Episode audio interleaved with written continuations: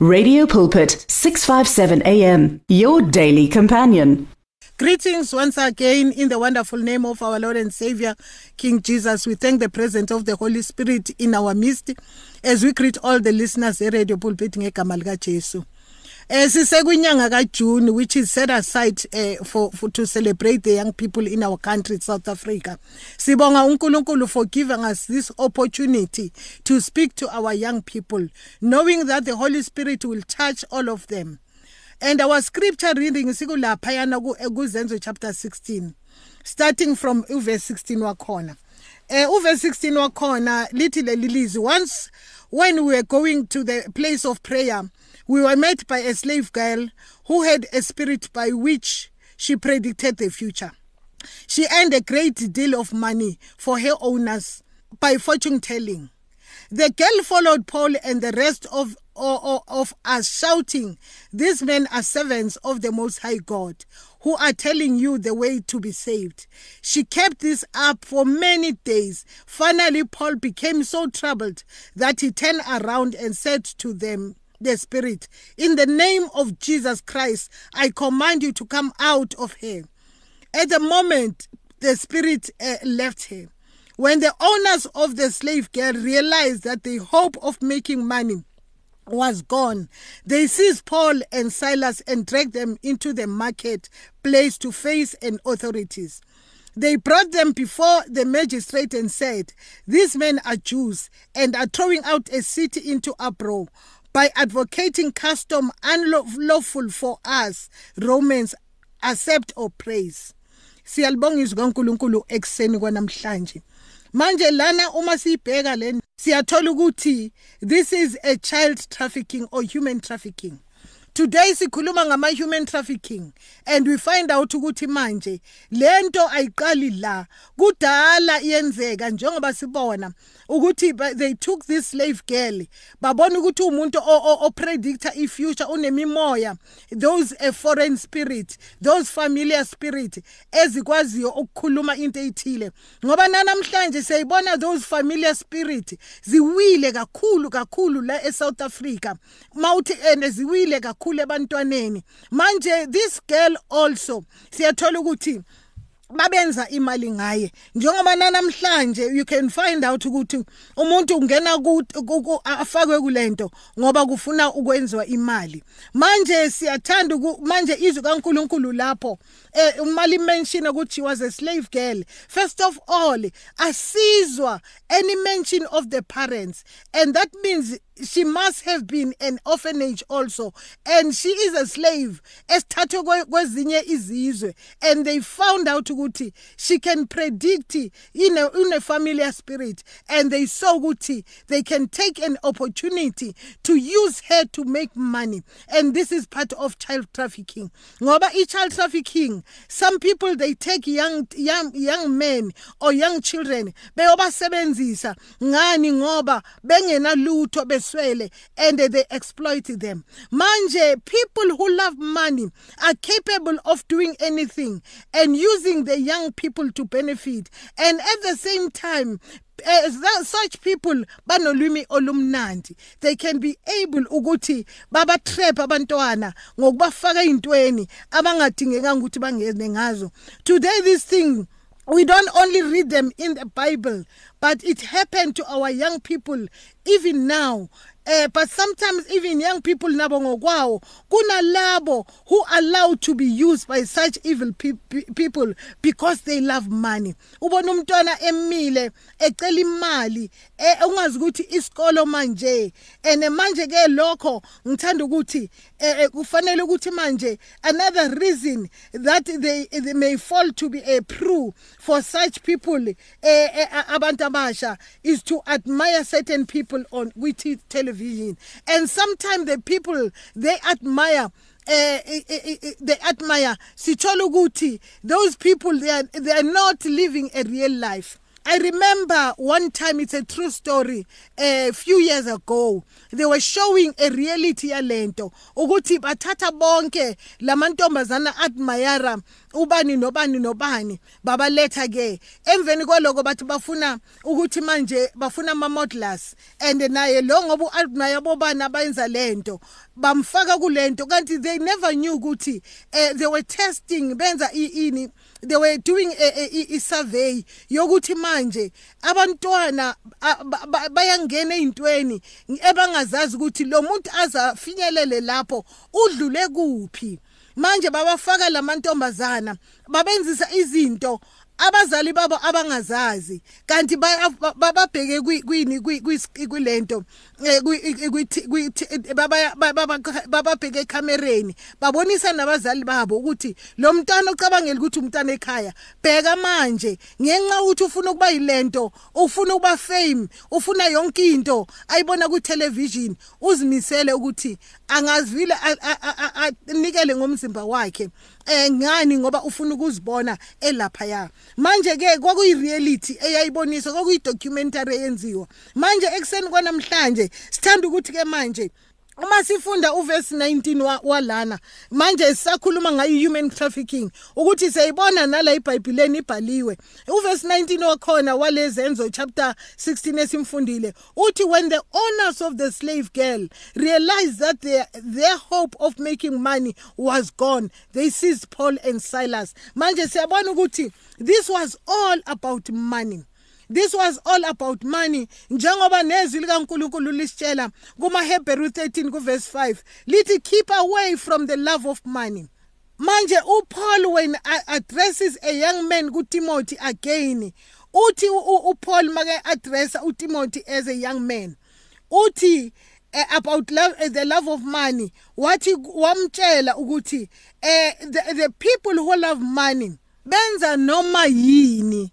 Manje utshela uTimothy ukuthi those people uh, they wander away from their faith and pierce themselves with many pangs. Manje uma ngabe umuntu othanda imali ukuthi manje ungenza noma yini ngenxa yemali uthola ukuthi izwi kaNkuluNkulu lithi uzigwaza ngowakho umkhonto.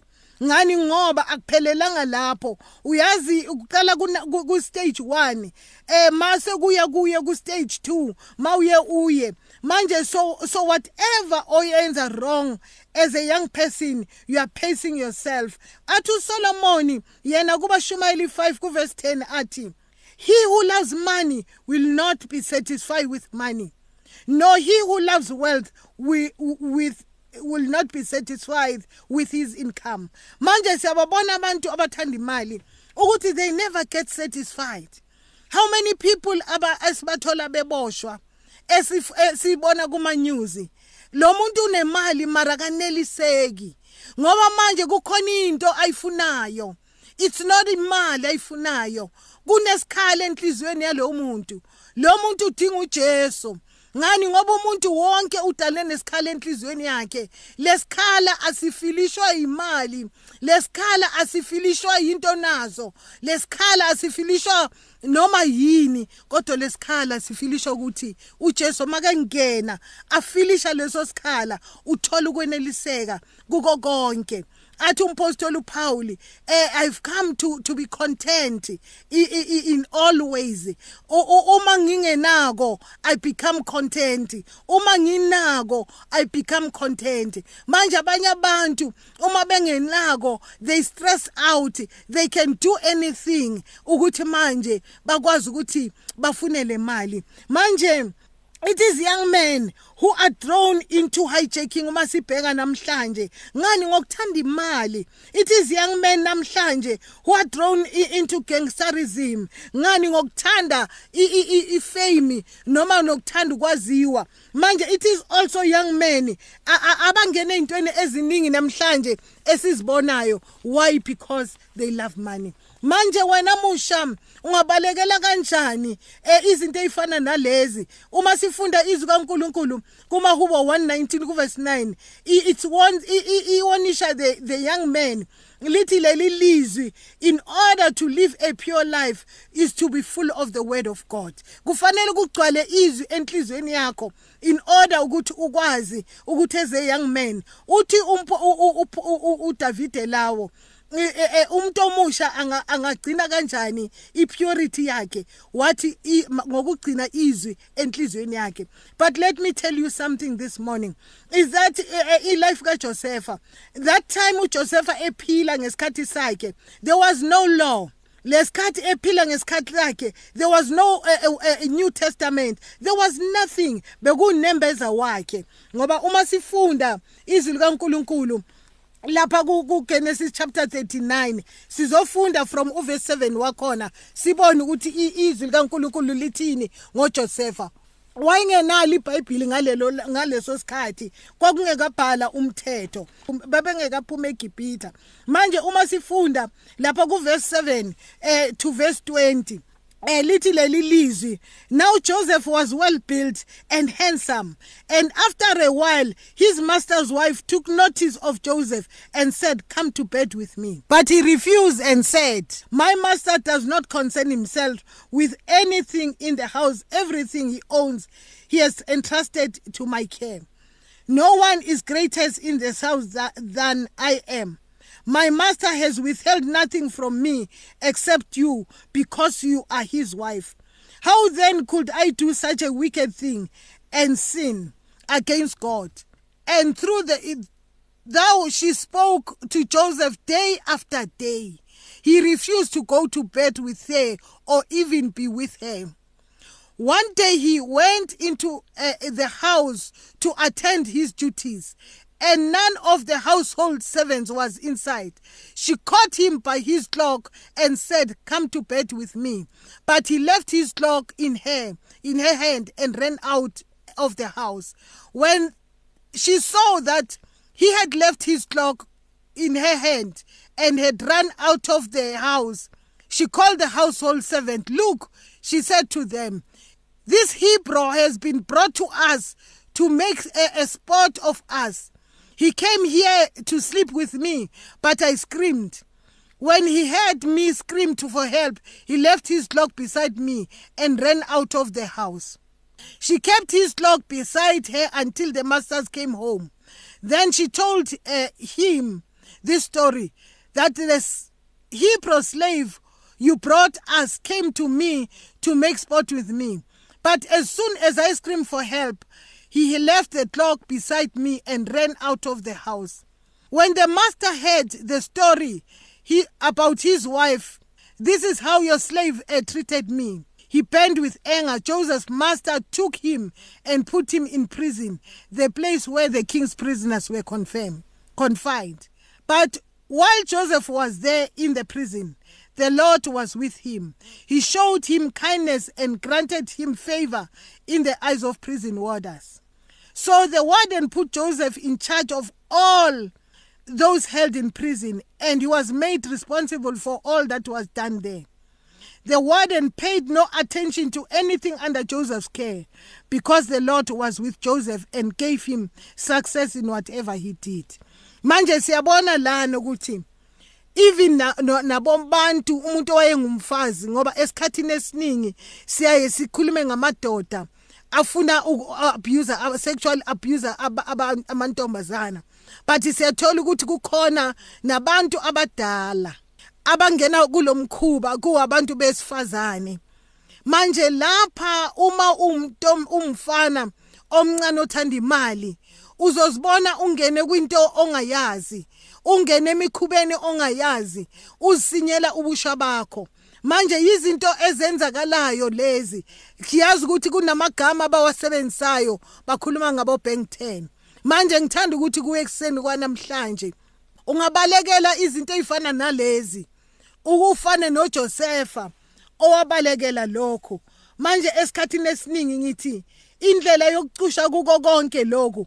Ukuthi manje izwi likaNkuluNkulu liyashona lapha yana eh ku second Timothy ku chapter 2 ku verse 22 lithi so flee lithi izwi kaNkuluNkulu flee the youthful passion and pursue righteousness faith and love and peace along who call from the Lord from pure heart.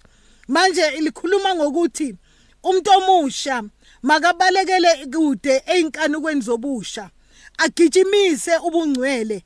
Agijimise uthando lukaNkuluNkulu. Agijimise ukukholwa. Manje what about uJoseph in the New Testament? Siyathola ukuthi noJosepha eh ku New Testament ngoba manje besikhuluma ngoJosepha in the Old Testament. uJosepha in the New Testament uma sifunda lapha ku Matthew chapter 1 ku verse 18 wakhona liyasitshela izwi kaNkuluNkulu eh Matthew chapter 1 ku verse 18 to 20 lithi leli lizwi this is how the birth of Jesus Christ came about. To his mother Mary pledged to be married to Joseph. But before they came together kusho ukuthi before behlangana empedeni she was found to be child she was found to be with a child through the holy spirit. Because joseph her husband was righteous man and did not want uh, on every word that comes from the mouth manje siyezwa ukuthi wathi makabone uJosepha leyo engafuni ukumexpose to the public ekumfaka eh, ehlazweni lithi wazama ukuthi abuyele emuva azame ukuphuma kuye. But izwi kaNkuluNkulu lesitshela kuverse 20 ukuthi But after he had considered this, an angel of the Lord appeared to him in a dream and said, Joseph, son of David, do not be afraid to take Mary home as your wife, because what he conce- she conceived is of the Holy Spirit. She will give birth to a son, and you are to give him the name Jesus, because he, he he will save his people from their sins. Manje nako siyabona nalana ukuthi manje even noJosepha ngesikhathi samanje kwaba umuntu ngesikhathi seNew Testament ukuthi izwi kaNkuluNkulu ke yena belimguide but loyana bekungekhozi kaNkuluNkulu eguide unembeza wakhe kodwa wabaleka. Manje sekwenziwa njani umuntu omusha balekela inkanuzo zobusha bakho. Ngani? Ngoba ziningi izinto ezenzakalayo namhlanje ongathi ngokungabaleki kwakho uzithole sowungena enkingeni enkulu ebengafanelanga ukuthi ungene ngayo. And siyabona ukuthi laba bantu ababalekela inkanuko zobusha babo kukhulu uNkulunkulu akwenza kubo. Ngisho noJosepha loyo noma wayesefake ejele ngenxa yamanga kankosikazi kaPotiphar kodwa make efike ejele uNkulunkulu eh, wamphakamisa waba kwindawo ephezulu khona ejele. Kwaba umuntu ophezulu kuyibosha zonke. Manje ekseni kwanamhlanje yizinto ekufanele ukuthi singabasha sibalekele kude nazo noma sifunda izwi kaNkuluNkulu lapha kumaGalashiya eh ku chapter 5 wakhona eh ku verse 5 eh ku verse 19 lithi leli lizwi uh, the acts of uh, acts of the sinful nature are obvious. Sexual immorality impurity debauchery idolatry and witchcraft manje siyabona ukuthi nezinto ezenzakalayo namhlanje akusaloyi nabantu abadala sekuloya nabantwana ezikolweni. Manje leli lizwi liyasikhuluma ukuthi these are the acts of sinful nature. Lithi impurity and debauchery idolatry and witchcraft hatred discord jealousy. Zonke lezi zinto uNkulunkulu uzibeka kuyizo. Likhuluma nange drunkenness orgies and likewise. Manje izwi kaNkulunkulu liyasiwonisha singabantu abasha. Singazifaki kwizinto ezinjalo. Masibalekele kude kuzo singabantu abasha. uNkulunkulu asenze kahle ngegama lika Jesu siyanikhulekela njalo. Sine sinegugu ngani? Ngoba kukhona igeneration ekufanele niyoyikhulisa nani? Njengoba nani sinikhulisa ni generation eyamanje ngegama lika Jesu amen. The words of the Lord are words of life. Your heart is on 657 AM 657 AM radio for believers in action